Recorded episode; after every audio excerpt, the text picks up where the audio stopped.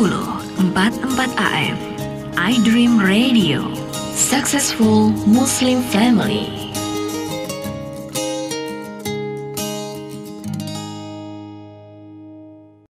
Bismillahirrahmanirrahim. Assalamualaikum warahmatullahi wabarakatuh. Waalaikumsalam warahmatullahi wabarakatuh. Alhamdulillah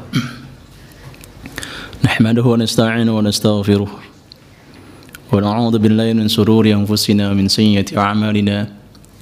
من يهد الله فلا مضل له ومن يضلل فلا هادي له. أشهد أن لا إله إلا الله وأشهد أن عبده ورسوله لا نبي بعده. اللهم نصلي ونسلم على نبينا محمد صلى الله عليه وسلم. وعلى آله وصحبه ومن تبعهم بإحسان إلى يوم الدين وبعد. قال تعالى في كتاب العزيز أعوذ بالله من الشيطان الرجيم. بسم الله الرحمن الرحيم. إن ربك هو أعلم بمن ضل عن سبيله وهو أعلم بالمهتدين فلا تطع المكذبين. وقال في آية الأخرى أعوذ بالله من الشيطان الرجيم بسم الله الرحمن الرحيم يا أيها الذين اتقوا الله حق تقاته ولا تموتن إلا وأنتم مسلمون Sahabat Edrim yang dirahmati Allah Subhanahu wa taala. Alhamdulillah wa syukurillah wa la hawla wa la quwata illa billah.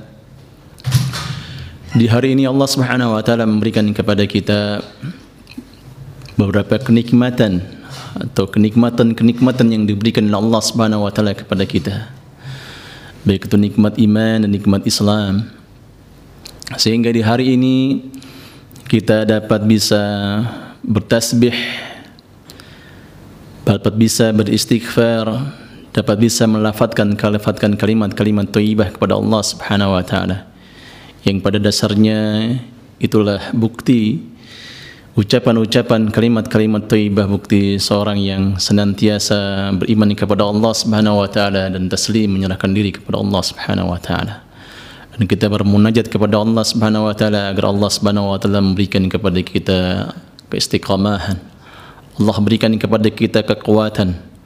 Allah berikan kepada kita uruh yang senantiasa kita untuk mengabdi kepada Allah Subhanahu wa taala sampai yatinal yakin sampai kematian menjemput kita.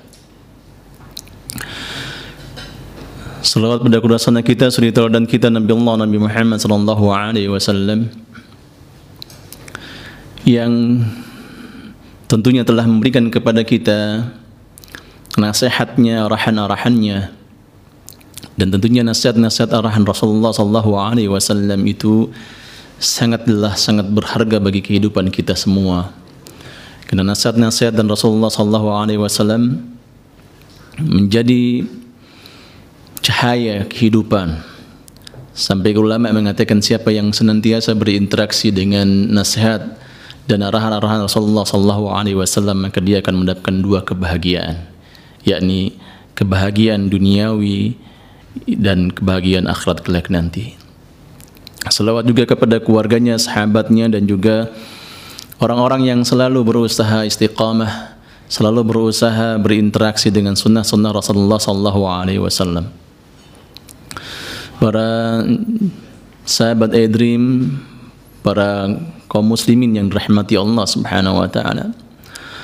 Pada hari ini kesempatan ini kita akan bersama-sama belajar membahas mengenai makna atau memahami atau mengenal uh, akidah al-sunnah wal jamaah. Ini menjadi hal yang terpenting bagi kita. Karena akidah itu adalah sebuah dasar, sebuah asas, pondasi. Ketika seorang yang memiliki pondasi kuat, maka semua amal-amalnya, perbuatan-perbuatannya sampai suluknya pun baik. Dan pondasi itu tentunya adalah kita pahami keyakinan akidah atau disebutkan dengan i'tiqad. Dan pondasi ini adalah mutiara sesuatu yang berharga. Sesuatu yang memberikan cahaya dalam kehidupan. ilmu yang mengkuatkan ruh batin kita ilmu yang mengkuatkan bagaimana kita mengenal Allah Subhanahu wa taala maka di sinilah letaknya asasnya pondasi kita sebagai orang yang beriman kepada Allah Subhanahu wa taala karena orang yang memiliki akidah yang kuat memahami akidah yang benar dia tidak akan selalu memboroskan kata-kata atau mendebatkan sesuatu yang hal itu yang tidak harus debatkan atau kekuatan yang mengalir dalam tubuh kita yang selalu kita menyerahkan diri kepada Allah Subhanahu wa taala. Sahabat Adrim yang dirahmati Allah Subhanahu wa taala, para hadirin yang dirahmati Allah Subhanahu wa taala kaum muslimin. Maka yang perlu kita pahami yang pertama kali agar kita lebih mendalam sama-sama belajar dalam hari ini bagaimana kita memahami al-aqidah sisi bahasa sisi lagawi. Secara bahasa tentunya kita akan pahami al-aqidah itu berasal dari kata bahasa Arab aqada ya'qidu atau kita bila kita akan bicara tentang al-i'tiqad. Ada harfu ziyadah huruf tambahan di sini. Al-i'tiqada i'taqada ya'taqidu. Bimakna dengan artinya adalah huruf tambahan itu alif dengan ta aqada ikatan. Ikatan yang secara makna. Ikatan yang kuat, ikatan yang selalu menyambungkan hati kita, kehidupan kita kepada Allah Subhanahu wa taala. Ikatan yang begitu kuat yang tidak akan lepas dan itulah disebut dengan al-i'tiqad atau al-aqdu. Sebagaimana kita pahami juga makna akidah itu tidak lain adalah at-tawthiq, kokoh, pengokohan tidak ada sesuatu yang bisa menompang dalam kehidupan. Tidak ada sesuatu yang bisa bertumbuh diri kita itu kuat dengan berdiri kecuali dengan kokoh. Ya tauthik. Maka kita juga lihat bagaimana surat yang kita pahami dengan bersama-sama dan semuanya kita bisa menghafal surat ini surat Al-Maidah ayat pertama. Sebagaimana Allah Subhanahu wa taala sampaikan kepada kita A'udzu billahi minasyaitonir rajim Bismillahirrahmanirrahim. Ya ayyuhalladzina amanu aufu bil 'uqud. Janji-janji apa yang disampaikan Allah Subhanahu wa taala dalam dalam kalimat ini dalam firman Allah Subhanahu wa taala ya ayyuhalladzina amanu orang-orang yang beriman. Aufu bil uqud penuhilah janji-janjimu. Al uqud janji adalah sebuah ikatan. Kita lihat bagaimana aqdun nikah ikatan nikah. Kita lihat bagaimana akad, akad akad tijarah yaitu adalah ikatan, ikatan jual beli yang mengikat di antara dua pihak, antara al-bai' dan mushtari, di antara penjual dan pembeli. Maka tentunya adalah bahwa kalimat al-aqdu secara bahasa adalah ributu ikatan kalau kita lihat pahaman yang tadi kita pahami adalah tentang i'taqada ya'taqidu i'tiqadan au aqidatan yang dengan huruf tambahan di sana adalah yaitu huruf alif dengan ta bimana al-aqidah. Sahabat Adrim yang dirahmati Allah Subhanahu wa taala, kaum muslimin yang Allah cintai kita semua. Maka yang kemudian yang kedua kita pahami dengan bersama-sama ketika kita pahami akidah itu dengan sisi bahasa lugawi. Kita pahami yang pertama al-aqidah al-sunnah wal jamaah. Ada tiga variabel kita lihat ya al-aqidah as-sunnah wal jamaah. Kita akan pahami sisinya adalah tentang akidah sunnah wal jamaah. Nanti kita akan pahami bagaimana manhaj, bagaimana dalil yang diambilnya, bagaimana kemudian prinsip-prinsipnya, bagaimana memahami tentang arkanul iman atau arkanul Islam yang dipahami oleh para uh, sunnah wal jamaah. Sahabat adrim yang dirahmati Allah Subhanahu wa taala, secara istilahi kita pahami dengan bersama-sama bahwa al-aqidatu fil istilah secara istilahi adalah tidak lain adalah ma yanqaidu alaihi al-qalb al-mar wa yazimu bihi wa yattakhidhu dinan wa madhhaban bihaythu la yataraqqa ilai asyaq fi apa itu? Maksudnya secara istilahi bahwa al-aqidah itu tidak adalah perkara yang wajib diyakini perkara yang wajib dibenarkan. Oleh siapa? Kepada siapa? Atau siapa yang meyakinkan? Siapa yang benarkan? Tentunya adalah al-qalbu, qalbul mar, yaitu ada tidak lain adalah hati dan jiwa seorang. Maka tentunya seorang yang kemudian dia membenarkan dan meyakini uh, perkara tersebut, maka yang terjadi adalah menjadi tentram. Menjadi tentram karena sehingga menjadi suatu kenyataan yang teguh atau kokoh yang tidak tercampur wala syak wala syak fi yang tidak ada keraguan di dalamnya. Maka keyakinan itu yang dibenarkan dalam hati dalam jiwa kita tidak ada syak tidak ada raib tidak ada keraguan dalam hati. Maka itulah disebut dengan al-aqidah. Maka orang yang kemudian memiliki akidah yang kuat orang yang memiliki akidah dia memiliki keyakinan yang kuat tidak ada keraguan. Keraguan terhadap keimanan keraguan terhadap rukun Islam, keraguan terhadap Allah Subhanahu tidak ada. Tapi adalah keyakinan yang muncul yang memberikan itminan, ketenangan kokoh dalam hatinya. Sahabat adrim yang dirahmati Allah Subhanahu wa taala, para hadirin kaum muslimin, uh, al-aqidah biasa kita juga adalah mengenalnya tentang atau biasa kita dengan masyhur kalimatnya adalah tauhid. Ya tauhid yaitu adalah pengesaan.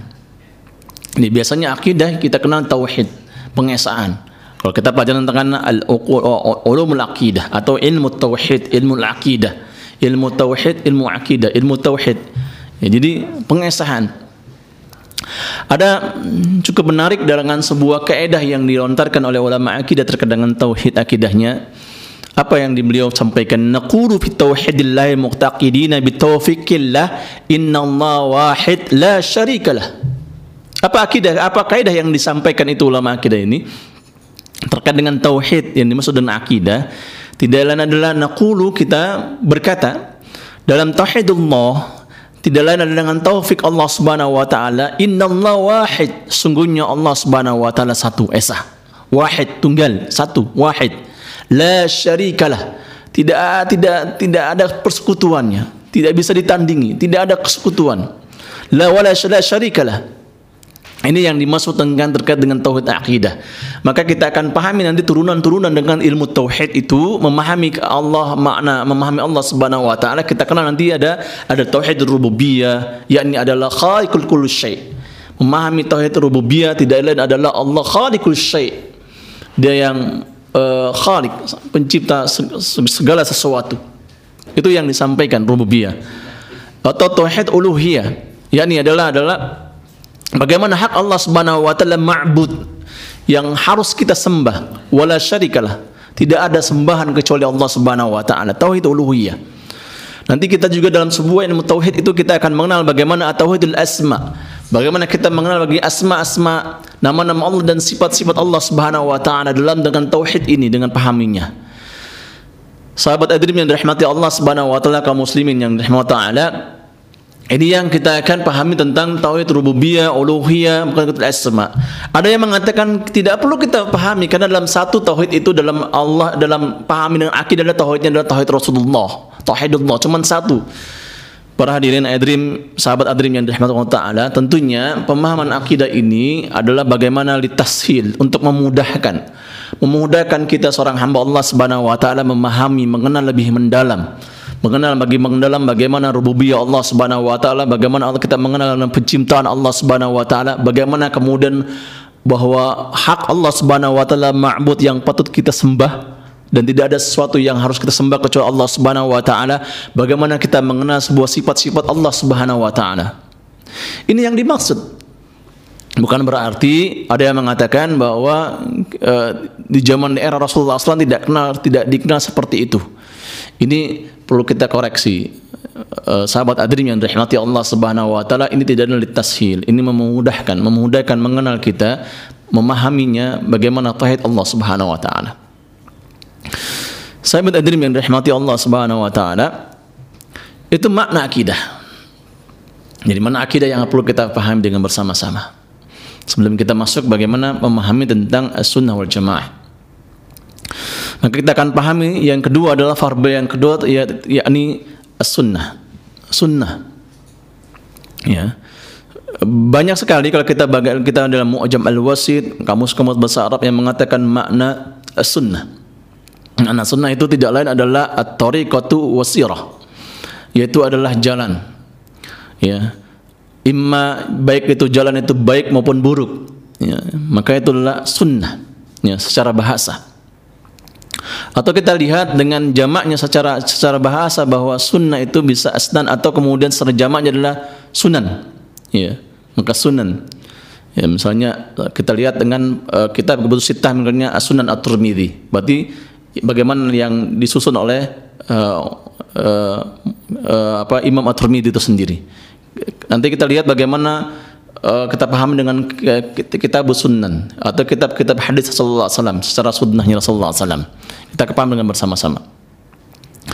Sahabat adrim yang dirahmati Allah Subhanahu wa taala bahkan uh, dalam Ibnu Athir mengatakan bahwa kata-kata sunnah itu kita akan pahami dengan surat Al-Ahzab misalnya atau surat Al-Isra atau yang disampaikan para ulama hadis.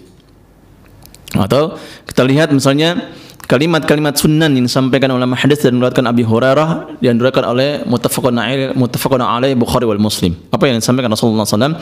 Kama kata Rasulullah SAW, "La taba'anna sunnana man qablakum sibran bi shibrin." Kalimatnya adalah sanana man qablakum ya, ya. shibran bi shibrin wa dira'an bi dira'in hatta law dakhallu hajaran nabbin ya beliau Rasulullah mengatakan uh, tabi'atumuhum apa artinya Rasulullah mengatakan sungguh kalian akan mengikuti mengikuti jalan-jalan orang yang sebelum sunan jalan-jalan orang yang sebelum kalian sejengkal demi sejengkal, sehata demi sehata hingga mereka kemudian masuk ke dalam lubang, biarpun kalian akan mengikutinya. Jadi sunnah itu adalah jalan orang-orang yang atau jalan-jalan yang dimaksud dalam hadis Rasulullah SAW dengan hal yang muttafaqun alaih Bukhari wal Muslim. Itu dalam hadis Rasulullah SAW.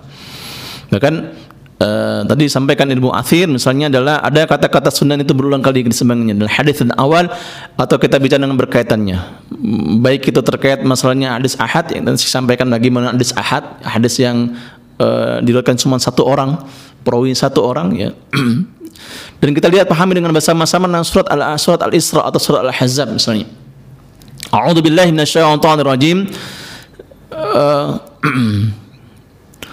Eh, sunnata eh, sunnata man qad arsalna qablaka min rasulina wa la tajid li sunnati tatahwila. Allah sampaikan kepada kita kalimatnya adalah eh, sunnah man qablana. Sebagai sunnah Allah yang berlaku atas orang-orang yang telah terdahulu. Wala tajid li sunnatina tahwila. Maka tidak akan mendapati perubahan pada sunnah Allah Subhanahu wa taala. Dan surat Al-Ahzab ayat 22 atau surat Al-Isra ayat 77 Sahabat adrim yang dirahmati Allah Subhanahu wa taala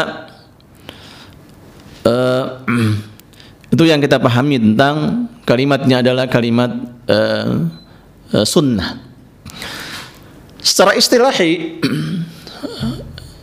maka makna sunnah itu berbeda-beda secara istilahi makna sunnah berbeda-beda. Bagaimana pemahamannya para ulama fikih bagaimana ulama memahami para ulama usuliyin?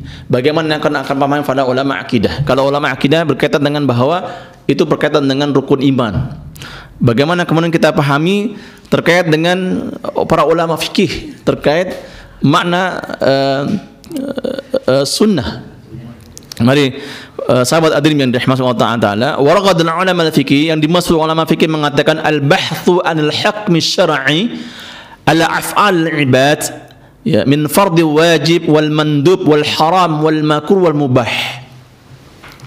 Kalau ulama fikih memahami sunnah itu tidak lain adalah hukum syariah yang berkaitan dengan perbuatan seorang hamba Allah Subhanahu wa taala baik itu fard ya, hal yang fardu wajib mandub sunnah haram makruh mubah. Itu yang dipahami maknanya para ulama fikih. Yang kemudian yang kedua bagaimana kemudian para ulama uh, usuliyin. Ya. Para ulama usuliyin jadi orang Muslim mengatakan adalah al-bahthu 'anil masadil syar'iyyati allati tu'khadhu min al-ahkamul aqidah min Quran was sunnah istima'an wa qiyas walidzalika al-ahkam asy-syar'iyyah min qaulin wa fi'lin wa taqririn faqat. Jadi kalau ulama fikih itu berkaitkan dengan masalah-masalah hukum syariah itu wajib, sunnah, mubah atau makruh atau kemudian adalah bicara tentang haram mubah maka itu adalah pemahaman sunnah yang dilontarkan dan dipahami para ulama-ulama fikih. Sementara ulama usulin mengatakan bahwa ya kalimat sunnah itu tidak lain adalah yang bersumber dari Nabi Shallallahu Alaihi Wasallam selain Al-Quran yang disandarkan atau berupa dengan ucapan Nabi Shallallahu Alaihi Wasallam perbuatannya atau ketetapan takrir yang disampaikan oleh Rasulullah Shallallahu Alaihi Wasallam itu yang dipahami oleh indal usuluyin para ulama usului ini yang perlu kita pahami uh, sahabat Adrim yang dirahmati Allah Subhanahu Wa Taala bimakna pemahamannya para ulama usuliyin kemudian yang ketiga ini adalah ulama sunnah yang dimaksud dengan ulama hadis. Di berbeda-beda. Jadi kita pahami dengan bersama-sama sunnah bagaimana sunnahnya kalau sampaikan tadi semua uh, ulama sunnah.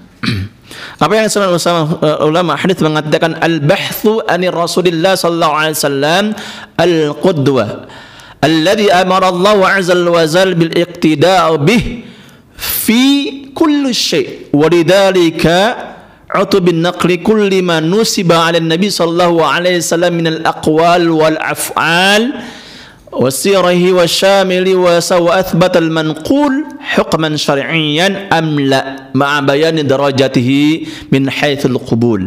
Kalau ulama hadis mengatakan bahwa apa-apa yang disandarkan atau ditemukan dari Nabi saw berkait dengan ucapan Nabi, perbuatan Nabi, ketetapan Nabi, sifat Nabi atau kisah hidup Rasulullah saw maka itu yang disebut yusamma adalah sunnah, disebut dengan sunnah. Sirah. Ya. Ini kita pahami dengan uh, para uh, ilmu hadis misalnya. Kayak uh, dan terkait bagaimana dengan derajatnya derajatnya ulama hadis maka nanti akan derajatnya kita pahami tentang ada hadis hadis sahih ada kita pahami tentang hadisnya hadis matrud misalnya atau kita pahaminya hadis hasan yang banyaknya adalah sunan at-tirmidzi adalah ada hasan al-ghairihi ada hasan li dzatihi ada antara hadis al-gharib ada hadis ahad ada hadis mutawatir atau kemudian kita pahami dengan hadisnya dhaif atau dhaif jiddan yusamma atau bermakna ada jiddan ada hadis maudhu' uh, hadis uh, daif uh, qura apa namanya lemah sekali lemah.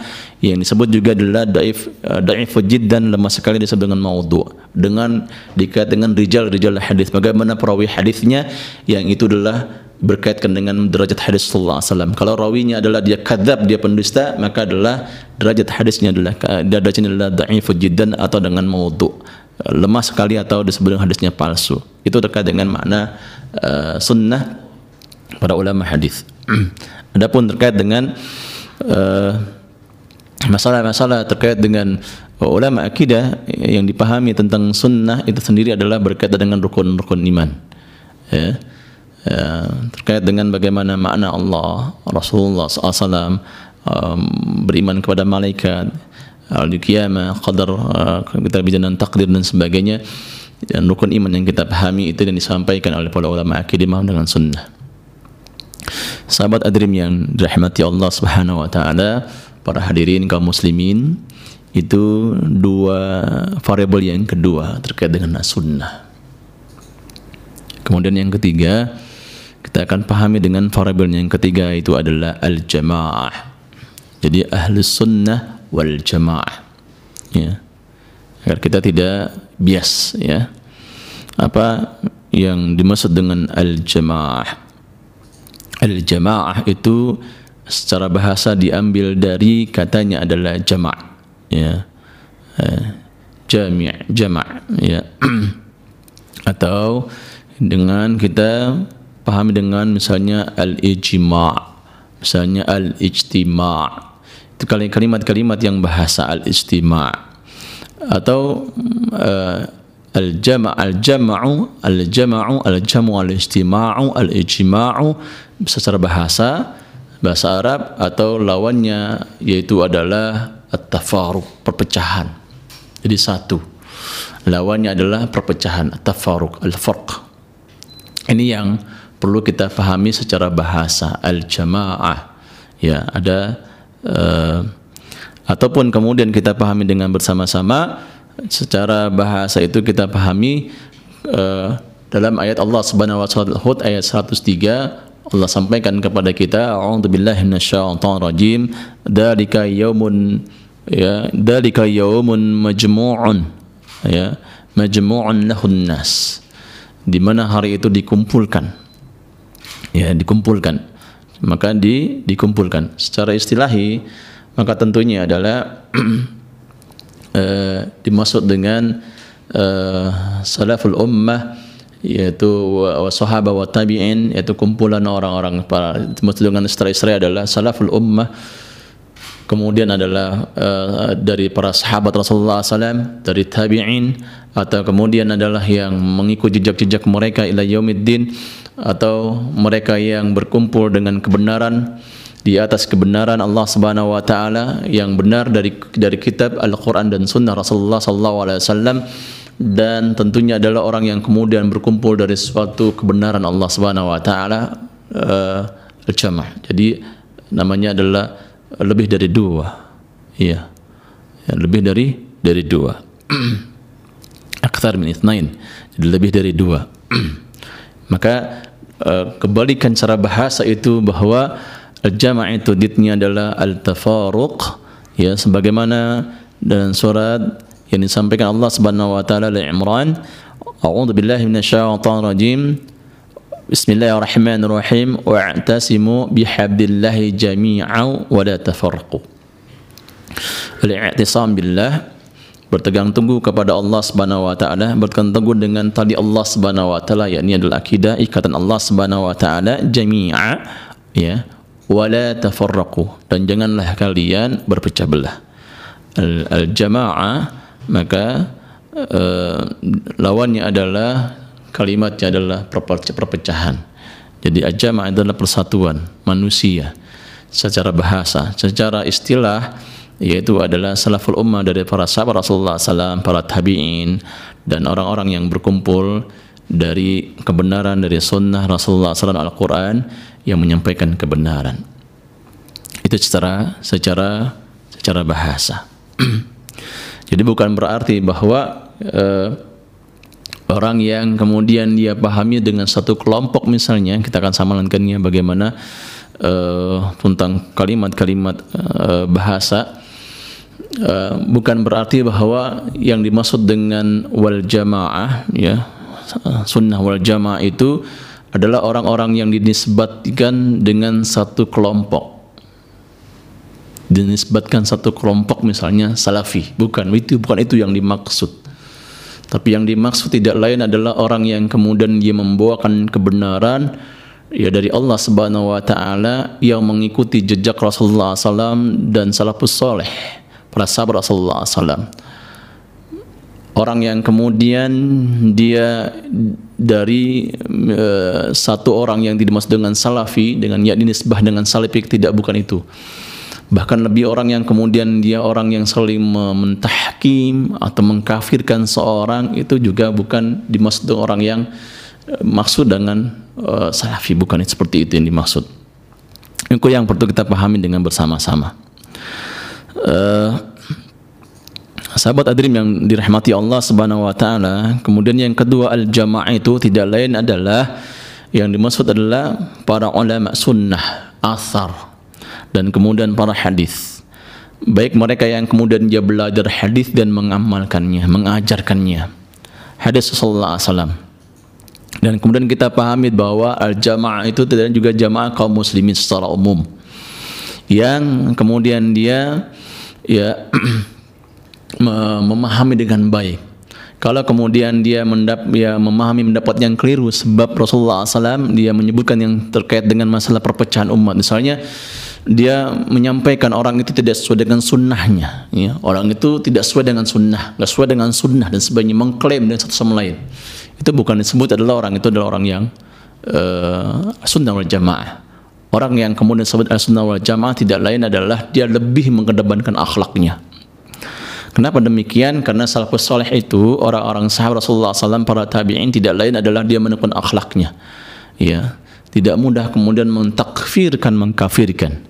Ya, tidak mudah kemudian dia adalah memberikan mencap seorang itu adalah kharaja anil millah keluar dari ilmu keluar dari millah illah melainkan ada, ada dalil yang kemudian menunjukkan orang itu adalah keluar dari millah Allah Subhanahu wa taala dari agama Islam. Tidak semudah itu. Ya, tidak semudah itu. Misalnya kita lihat ada kelompok lain yang kemudian mengatakan misalnya ormas lain mengatakan ini dia al-sunnah wal jamaah, dia tidak al-sunnah wal jamaah ini adalah mahnat salaf. Dia tidak seperti mahnat salaf, tidak tidak mengklaim satu sama lain. Sampai dia misalnya dia bisa pahami dengan bersama-sama terkait dengan sunnahnya. Misalnya kita pahami dengan bersama-sama sahabat Adrim yang dirahmati Allah Subhanahu wa taala terkait dengan memahami sebuah dalil. Kita akan sampaikan nanti ya, bagaimana memahami sebuah dalil. Ya. Uh, sahabat Adrim yang dirahmati Allah Subhanahu wa taala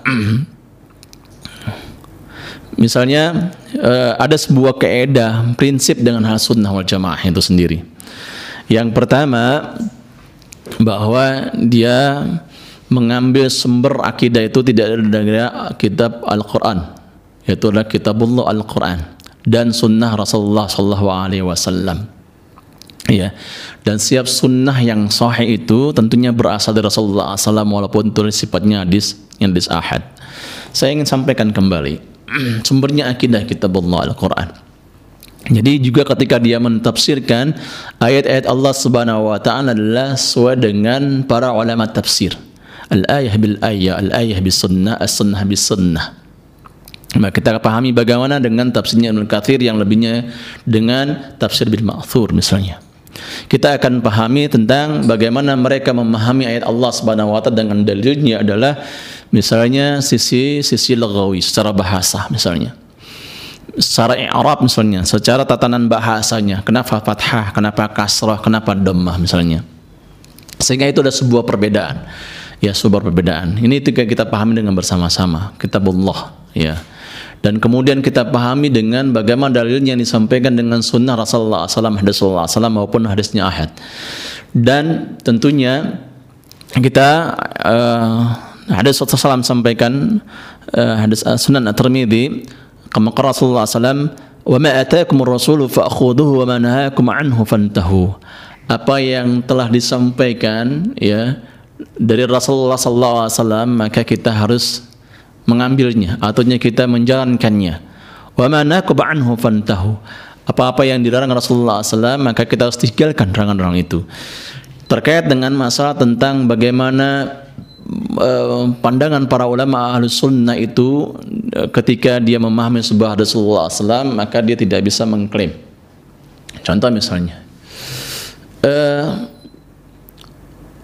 landasan hukum Allah Subhanahu wa taala terkait dengan larangan seorang wanita yang berziarah kubur ada yang mengatakan orang yang manhaj salaf itu misalnya uh, orang wanita tidak boleh dasar kubur karena dalilnya kuat dan sebagainya. Perlu kita pahami dengan bersama-sama.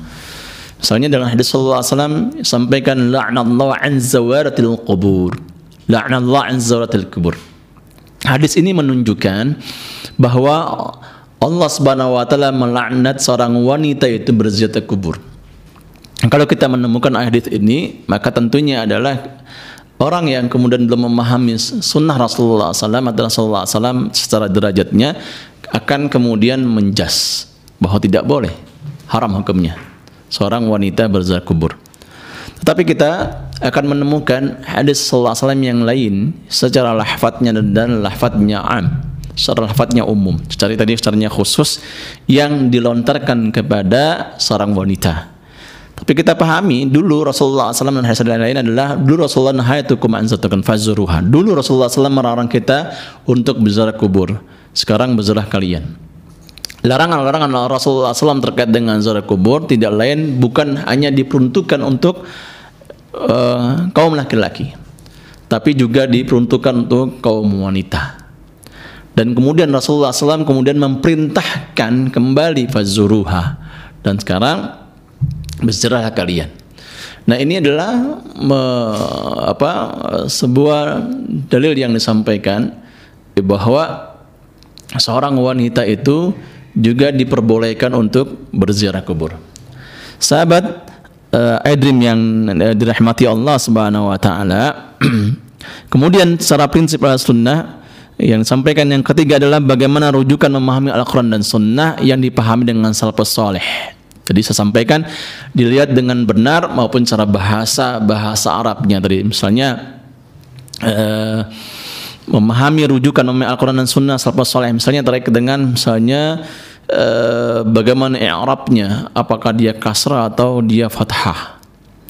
Misalnya kasrah dengan diawali dengan hurufnya huruf misalnya uh, ini sering kita lihat bagaimana para ulama tafsir menyampaikan misalnya kalimatnya ya ayyuhalladzina amanu idza kuntum ila salati faghsilu wujuhakum wa aydakum ilal marafiq wamsahu bi ru'usikum wa arjulakum ilal ka'bain kalimatnya adalah wamsahu bi ru'usikum wa arjulakum ilal ada kalimat bi yang harfu jar fungsinya huruf jar fungsinya tidak lain adalah mengkasrahkan setelahnya.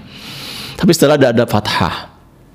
Ya terbuka. Makanya berbeda pemahamannya secara uh, uh, secara makna.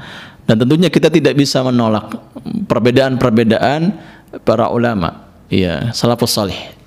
Baik itu Imam Syafi'i baik kemudian adalah Imam uh, Imam Malik Imam Hanafi Imam Malik Imam Syafi'i dan Imam Hanbal. Ini yang perlu kita pahami uh, sahabat adrim yang dirahmati Allah Subhanahu wa taala. Yang keempat ini bicara tentang usul, usuluddin, pokok-pokok dasar agama, ya apa yang dijelaskan oleh Rasulullah SAW maka tidak ada orang yang kemudian merak dia adalah menentang atau mengada-ngadakan sesuatunya. Ya datangnya dari uh, Rasulullah Sallallahu Alaihi Wasallam. Kenapa demikian?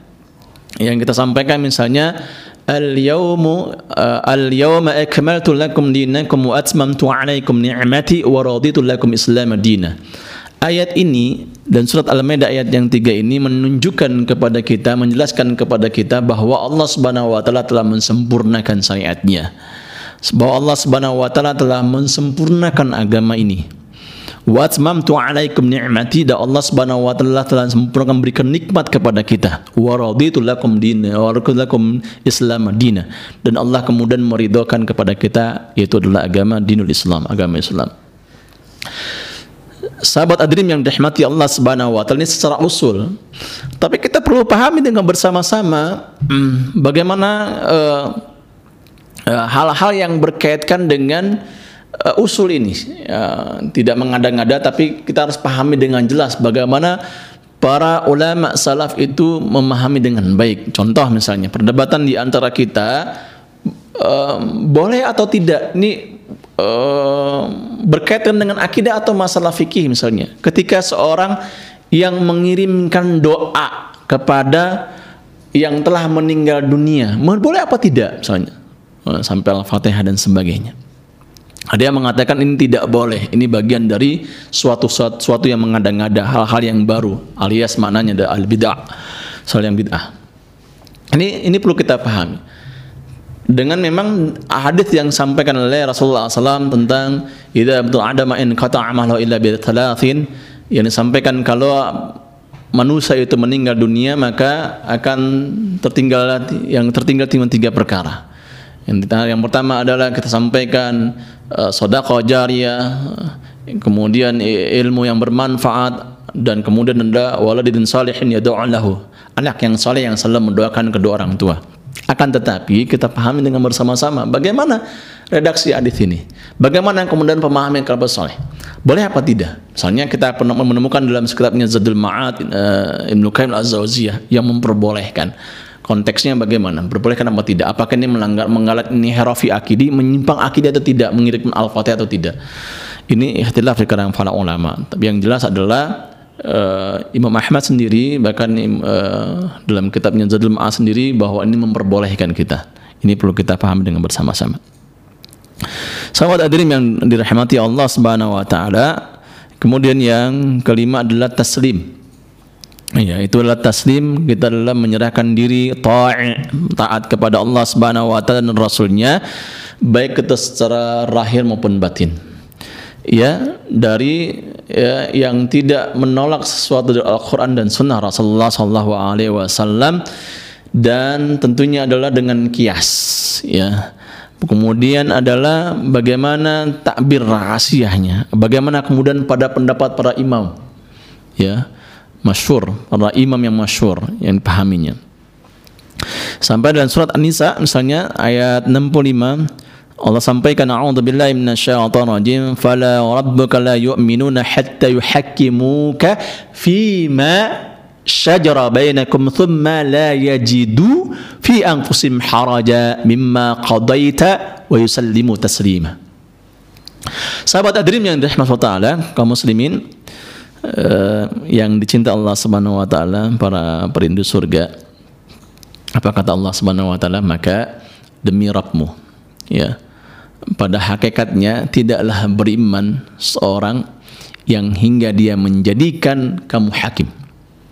Ya apa maksudnya adalah perkara yang mereka persikan yang ke, yang kemudian mereka tidak merasakan keberatan dalam hati mereka yang ber, yang putusan kamu berikannya dari Al-Qur'an dan ya, yang ditetapkan Allah Subhanahu wa taala surat An-Nisa ayat 65. Jadi kita tidak menolak, patuh dengan taat Allah Subhanahu wa taala, patuh dengan Rasulullah SAW, patuh dengan bagaimana para ulama-ulama, para imam-imam, baik itu dengan suatu yang gaib misalnya, tinggal nolak tentang bagaimana tentang takdir misalnya kita akan nanti pembahasan lain. Bagaimana takdir misalnya nanti takdir itu adalah misalnya dalam qadar dalam ilmu qadar misalnya ada kabar ada jabariyah ada qadariyah bagaimana memahaminya? ya, bagaimana kemudian terkait dengan doa bagaimana memahami dengan doanya bagaimana kemudian kita menaati uh, Allah Subhanahu wa taala bahwa ini putus Allah Subhanahu wa taala. Misalnya kita taslim taat misalnya tentang Isra Mi'raj misalnya. Tidak ada yang menolaknya Isra Mi'raj. Uh, walaupun di era Rasulullah SAW ketika Isra Mi'raj itu ada seorang sahabat Rasulullah SAW yang mereka beriman kepada Allah Subhanahu Wa Taala ketika Rasulullah menjelaskannya apa mereka tidak tidak taat ke Rasulullah SAW tidak menerimanya maka banyak di antara mereka uh, keluar dari Islam, murtad, mereka murtad karena tidak menerima uh, penjelasan Rasulullah SAW. Itu yang berjumpa, itu yang dijumpainya. Bagaimana kita yang tidak berjumpa? Ya, Masya Allah. Kemudian yang ketujuh, uh, sahabat adrim yang dirahmati Allah Subhanahu wa taala yang kita pahami bahwa Rasulullah itu maksum. Ya. Rasulullah maksum terpelihara dari kesalahannya. Ini nggak boleh kita mengatakan bahwa Rasulullah dan sebagainya atau uh, mengatakan uh, misalnya kita akan menemukan bagaimana uh, sunnah Rasulullah SAW yang bicara tentang hari kiamat misalnya. Kalau kemudian kita menemukan bahwa uh, hadis ini sahih tapi kemudian tidak terjadi dan sebagainya bukan yang disalahkannya Rasulullah. Bukan Rasulullah adalah orang yang pendusta bukan bukan itu yang dimaksudnya. Tetapi adalah kita adalah mengimankan uh, Rasulullah sallallahu uh, sahabat hadirin yang dirahmati Allah subhanahu wa taala kama Rasulullah SAW Inna Allah Ta'ala qad ajara ummati min ajtami ala sudalalah sungguhnya Allah subhanahu wa ta'ala telah melindungi umatku yang berkumpul ada sepakat dari Eh, sesuatu yang ya, di atas kesempatan yang kesesatan yang disesatkan Allah Subhanahu wa taala. Itu yang kita pahami maksum Rasulullah SAW. Dia maksum ya bagaimana proses Rasulullah SAW, bagaimana Rasulullah SAW diangkat oleh Allah Subhanahu menjadi rasulnya. Kemudian yang kedelapan adalah kita tidak boleh mirak, nggak boleh kita uh, debat kusir, bertengkar dengan masalah-masalah agama yang tercera misalnya tentang tentang uh, yang dimaksurkan yang disyariatkan kenapa khamar dilarang kenapa kemudian bicara tentang ya sudahlah takdir dan sebagainya di uh, apa uh, bicara tentang takdir kematian kemudian tentang ya, uh, yaumul qiyamah la uqsimu biyaumul qiyamah atau kita bicara tentang bagaimana matahari dan sebagainya ini menjadi perdebatan. Bagaimana rumah eh, apa namanya yadullah bagaimana tangan Allah bagaimana wajah Allah dan sebagainya ini perdebatan ini nggak boleh sebenarnya. Ya ya ya hal-hal yang tidak boleh kita diberikan menjadi bertengkar dan surah Az-Zukhraf A'udzu billahi minasyaitonir rajim. Ma dhalla qaumun ba'dal huda kanu 'alaihi illa utul jidal. Thumma tala ma darabuhu laka illa jadala. Jadi kata Allah Subhanahu wa taala tidaklah sesat suatu kaum melainkan adalah Allah Subhanahu wa taala memberikan petunjuknya atas mereka kecuali mereka adalah berbantah-bantahan illa maka dia akan berbantah-bantahan jidal kita capek ya sahabat adin yang taala tinggalkan orang-orang seperti itu yang selalu mendebatkan tentang keimanan kepada Allah Subhanahu wa taala tinggalkan ya kalau ada sebuah penjelasan yang sudah sore yang jelas dari Allah Subhanahu wa taala tapi dia tidak mau dan sebagai tinggalkan. Artinya orang itu adalah ada keraguan dalam hatinya. Makanya pahami dengan makna akidah yang tadi. Nah, kemudian eh, sahabat Adrim yang wa taala adalah bahwa metode manhaj, manhaj salaf dan sebagainya, manhaj sunnah Rasulullah SAW, bagaimana akidahnya, bagaimana kemudian dipahami metodenya sampai yang tadi tentang terkait dengan kalimat bid'ah dan sebagainya. Jadi manhaj salaf, salafi dan sebagainya, menyisa mana salaf saya, saya manhaj sunnah, uh, bukan mereka adalah orang yang uh, kajian sunnah, bukan berarti orang yang itu tidak tidak sunnah, ya bukan tidak sunnah, bukan seperti al sunnah wal jamaah ya kita boleh mengklaim ya kita boleh mengklaim bahwa kita bagian al sunnah wal jannah selama prinsip-prinsip metode-metode yang kita ambil itu adalah ya sesuai dengan para ulama para sahabat soleh. Bagaimana berkaitan dengan hadis ayat Allah subhanahu wa taala Al Quran bagaimana kita menafsirkan hadis Allah salam bagaimana kita meninggalkan misalnya hadis yang matruk misalnya tentang hadis-hadis maudhu. Ini banyak sekali nanti kita akan menemukan hadis-hadis maudhu palsu misalnya nanti di bulan Ramadan ini yang perlu kita pahami atau hal-hal yang berkait dengan al-adat misalnya. Uh, itu juga nggak boleh sama misalnya. Misalnya terkait dengan misalnya saya ingin sampaikan kembali misalnya terkait dengan al-adat misalnya al-adatu muhakamat mandamat untuk khasyrifah. Kalau adat yang kemudian menjadi hukum tapi itu bertentangan dengan akidah maka adat itu perlu kita tinggalkan. Tapi kalau madamat lan tukhlifus syariah selama tidak bertentangan syariah adat itu tentang akidah dan sebagainya, bas ya maafi muskilah ya tidak jadi masalah yang perlu kita pahami sahabat. Adrim yang taala kaum muslimin. Ya uh, uh, uh, sahabat adrim taala makanya yang perlu kita pahami dengan bersama-sama orang-orang yang kemudian disebut al sunnah wal jamaah itu banyak sekali panggilan-panggilannya. Ada yang kori apa namanya ghuraba ya. Jadi sampai kemudian dengan tuba tuba tuba sampai mengatakan diman ya Rasulullah siapa yang tuba itu? Ya orang ya, orang beruntung itu siapa? Sampai Rasulullah mengatakan bahwa uh, apa namanya ba'dal Islam ghariban thumma ya'udu ghariban kama bada tuba li ghuraba. Kila ya Rasulullah wa min ghuraba qala alladziina yusallihuna idza fasadan nas jadi orang yang gharib itu orang uh, yang asing itu adalah orang yang beruntung kelak nanti. Sampai para sahabat Rasulullah mengatakan siapa mereka ya Rasulullah? Maka Rasulullah mengatakan mereka orang yang senantiasa mengadakan islah, perbaikan ketika orang-orang yang telah rusak. Jadi bukan orang berdebat, jidal ya. Ada akhlaknya kita dengan guru kita bagaimana, dengan orang tua kita bagaimana? Kalau kita adalah guroba tapi kita selalu bertentangan selalu berdebat ya. Bukannya memperbaiki tapi kita adalah merusak tantangan kehidupan atau dan sebagainya. Kita bukan guroba namanya. Misalnya orang tua kita ada perbedaan di antara kita islah kita perbaiki. Bukan menjas bukan kita menyingkirkan atau kemudian kita paham dengan bersama-sama. Misalnya kita pahami misalnya dalam lebaran seterahim nggak ada misalnya dan sebagainya ya. Tapi kan mengatakan itu uh, bas. Kemudian yang kita pahami juga yang uh, banyak yang disebut dengan sunnah wal jamaah itu dengan adalah dengan ta'ifa al-mansurah, orang yang uh, kelompok yang uh, dipertolongkan. Ada yang kemudian salafus saleh. Karena salafus saleh itu adalah generasi yang uh, tiga generasi sebagaimana Rasulullah mengatakan khairun nas qarni thumma alladhina yalunnahum thumma alladhi yalunnahum sebaik-baik manusia itu kata Rasulullah SAW adalah yang hidup di zamanku, di zamannya sahabat atau kemudian para tabiin. Ya, eh, sahabat Adrim Taala juga disebut dengan adalah firqat najihah, kelompok yang diselamatkan oleh inqat, yang diselamatkan. Ada ahlu akhtar, ahlu hadis, ahlu itiba. Ini pemahaman yang dipanggil para eh, apa namanya? para kelompok-kelompok yang disebut dengan uh, mengenal uh, ahlu sunnah wal jamaah.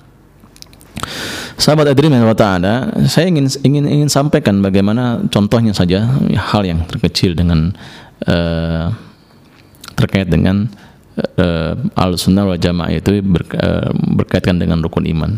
Saya ingin sampaikan uh, tentang iman kepada Allah Subhanahu wa taala. Jadi sampaikan yang di awal tentang tauhid rububiyah, ada tauhid uluhiyah, ada tauhid asma wa sifat. Jadi ada ada kaidah yang perlu kita pahami dengan uh, bersama-sama.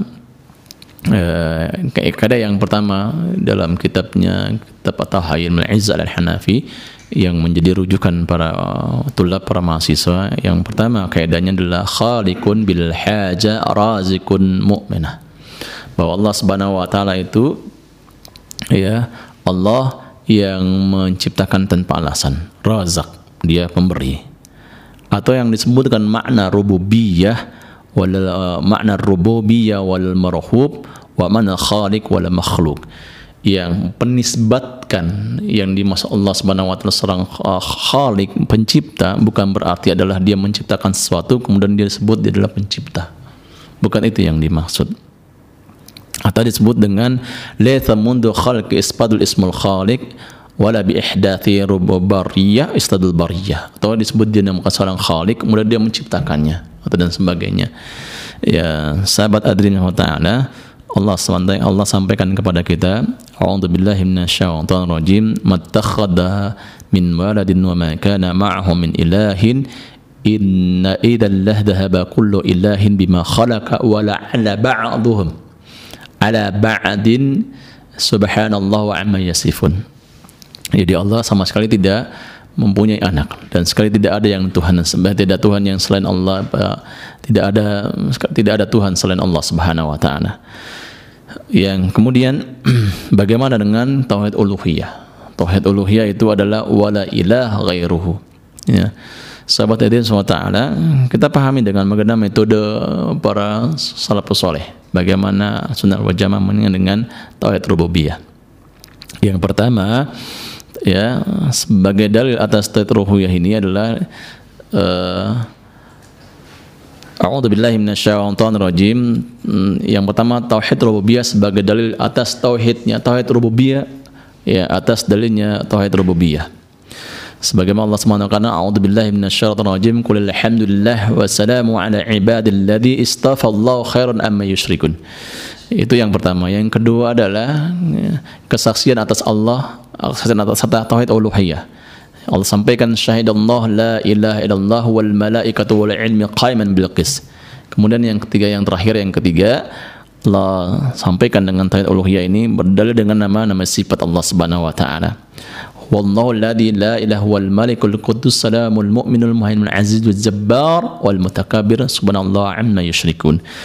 Inilah uh, pemahaman sunnah wal jamaah terkait dengan uh, tauhidullah dengan dengan uh, iman kepada Allah Subhanahu wa taala. Sahabat Adrim yang dirahmati Allah Subhanahu wa taala itulah tiga variabel yang kita pahami dengan bersama-sama yaitu adalah akidah, sunnah, wal jamaah dan sebagainya. Bagaimana prinsip-prinsipnya agar kita tidak bias mana inhiraf dan tidak.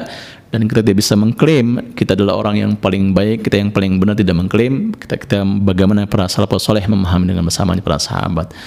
Mudah-mudahan ini uh, penjelasan kita terkait dengan mengenal uh, akidah al-sunnah wal jamaah ini lebih kita mendalam kembali, mengenal kembali dan mengkuatkan ruh kehidupan kita ya dan lebih jelas kembali siapa kita. Uh, mungkin ini yang saya yang bisa disampaikan. Sahabat adrim kaum muslimin yang taala yang kemajmain. Assalamualaikum warahmatullahi wabarakatuh. Waalaikumsalam warahmatullahi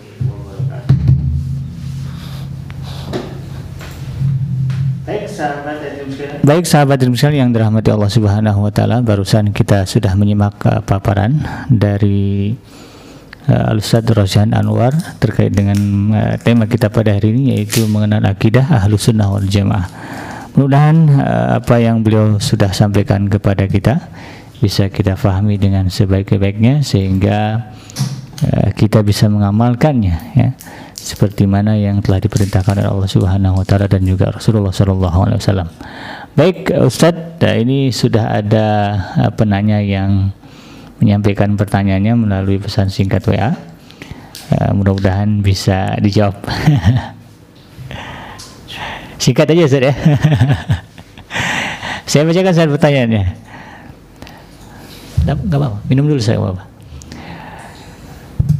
Assalamualaikum warahmatullahi wabarakatuh Ustaz mohon dijelaskan perbedaan pemahaman akidah uh, Ash'ari, Maturidi dan Wahabi Salafi yang mana mereka sama-sama mengaku berfaham akidah Al-Sunnah wal Jamaah dari Mukhtar di Kediri, Jawa Timur. Tafadhol Ustaz. Bismillahirrahmanirrahim. Alhamdulillah wa ba'd. Sahabat Adrim yang dirahmati Allah Subhanahu wa taala. Istilah yang dirontarkan di, di antara kita banyak di masyarakat itu mengenal atau berkembang istilahnya adalah uh, Salafi Wahabi atau dengan sebutnya Wahabi, Islam Wahabi. Hmm. Kalau kita mendengar Islam Wahabi itu, maka yang terjadi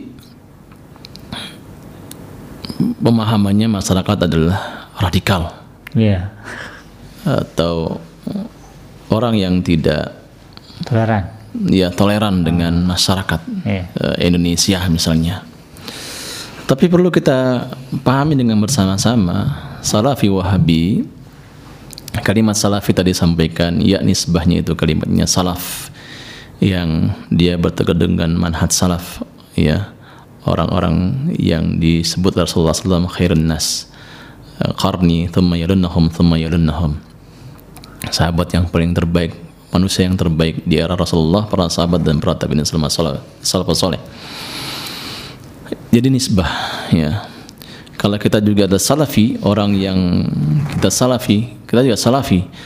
Kiai kita ustadz kita salafi misalnya dia menjalankan sunnah Rasulullah SAW puasa Senin Kemis salat malam baca Al-Quran ya, kemudian dia menjauhkan mahra yang bukan mahramnya tidak bersalaman ya. Itu salafi ya. Karena dia mengikuti bagaimana uh, perjalanan para sahabat Rasulullah wasallam. Wahabi ini banyak sangat terang menderang ya Wahabi sampai banyak perpecahan menimbulkan perpecahan perperangan di beberapa negara dan kita tidak Wahabi itu tentunya Salafi Wahabi atau dinisbatkan ini orang-orang Syiah sebetulnya. Hmm. Ya, orang-orang Syiah yang melontarkan statement ini. Orang-orang Syiah yang menyampaikan kalimat Salafi Wahabi karena kebencian dia terhadap Islam. Kebencian mereka terhadap para sahabat Rasulullah SAW kebencian mereka yang para sahabat yang bukan dari Persia ya lontarkan biar uh, mereka yang non syiah itu pecah syiah yang berjaya ah, iya. ya itu yang perlu kita pahami itu mereka yang mengadu dombakan padahal wahabi itu tidak lain adalah ya, dinisbatkan dengan seorang ulama yang akidahnya baik, iya. ilmunya yeah. bagus, keiman yang bagus, ketaannya bagus adalah Abdul Wahab ya Muhammad uh, Muhammad Allah bin Wahab At-Tamimi atau At-Tamami. Ya beliau ini menyebar in, uh, intishar uh, menyebar pemahamannya itu di kalangan Timur Tengah terutama di Saudi Arabia. Ya di Mesir juga ada di Indonesia juga ada uh, kalau kita kembali kembali misalnya dengan sebuah sejarah uh, bagaimana ormas yang kita pahami di Sumatera Barat itu di antaranya pertama kali adalah membawa bagaimana pahamnya paham Wahabi. Yeah. ya yang pertama kali Sumatera Barat kita pahami. Tapi tentunya adalah frame-nya bingkainya bingkai ya bingkai bingkainya masyarakat Indonesia. Kemudian berkembang bagaimana di Jogja bagaimana kemudian di ya, Hindia Belanda, Jakarta dan sebagainya. Ini disebutkan hanya peperangan saja, perang orang-orang Syiah. Ya, jadi Salafi Wahabi tidak ada statement uh, apa namanya kalimat uh, kebencian iya. orang-orang Syiah menyebarnya. Jadi tidak boleh kita uh, kemudian kita ini Salafi Wahabi, Salafi Wahabi, Salafi Wahabi, Salafi Wahabi tidak demikian. Kita termasuk orang yang kemudian kita Salafi disampaikan uh, apa eh, bangun malam kita, puasa Senin hingga Kamis kita, kemudian kita melakukan sunnah Rasulullah SAW itu juga salafi kita ya. Bukan mereka satu kelompok saja manhaj salaf manhaj salaf tidak. Kita juga al asyariyah juga demikian Yeah. ya. Demikian asyariyah. Ini kita kalau asyariyah ini banyak di kalangan para nahdiyin misalnya ya. Muhammadiyah dengan Muhammadiyah ini juga demikian kita pahami dengan bersama-sama ya mereka eh, sama mem- memahami dengan manhaj akidahnya al-sunnah wal jamaah. Bagaimana dia memahaminya.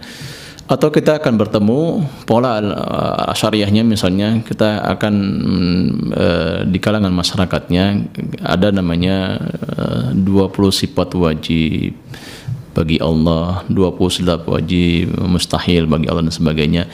Itu eh, hanya sebagai penterjemahan atau eh, ya, memudahkan bagaimana para eh, mereka yang orang awam memudahkan mengenal sifat-sifat Allah Subhanahu wa taala. Itu saja yang perlu misalnya Allah eh, adalah dia esa berdiri dengan sendiri dan sebagainya ya diambil dengan ayat Allah Subhanahu wa taala kemudian dinamakan istilah seperti itu. Apakah ini bagian dari inhirafi akidah tidak? Saya tidak tidak menyimpang akidah selama kemudian dia mengambil dari ayat Allah Subhanahu wa taala. Sahabat adin taala itu yang perlu kita kemana- inilah yang perlu kita pahami. Nah, mudah-mudahan dengan konteks Asy'ari apakah ini Asy'ari Wahabi bagian dari sunnah wal jamaah? Saya katakan iya. Iya. Selama mereka tidak menyimpang dari metode-metodologi dari para sahabat, para tabi'in tadi sampaikan tentang terkait dengan hadis Rasulullah SAW dan sunnah Rasulullah SAW yang kemudian menyimpang. Bagaimana hadis ahadnya, bagaimana hadis daif jidan, bagaimana kemudian da- hadis daif bolehkah dengan fadl amal dan sebagainya itu hanya ikhtilaf di kalangan para ulama. Wallahu a'lam bishawab.